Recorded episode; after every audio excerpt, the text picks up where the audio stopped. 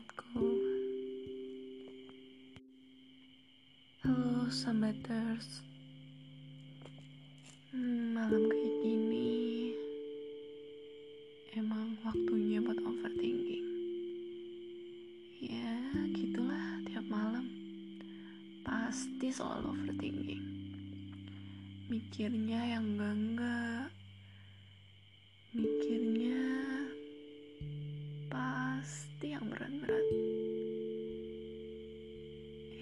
ini banyak yang perlu di overthinking jadi mulai kegagalan kecewaan sakit hati dan masih banyak lagi.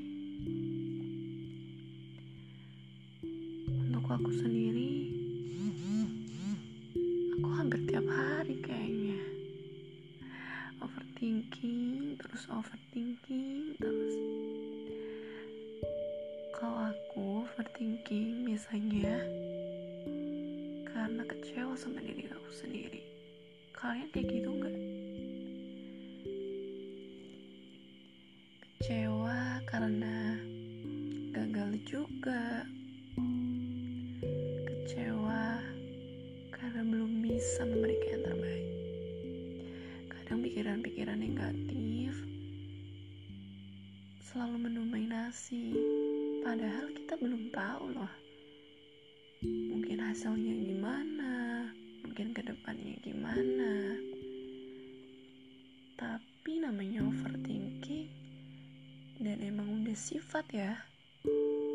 Jadi bakalan terus tuh pikiran. Gak pernah ada leganya kalau misalkan belum tahu jawaban yang benar. Aduh, overthinking ini emang berat ya. Kayak menyiksa diri sendiri gitu. Tapi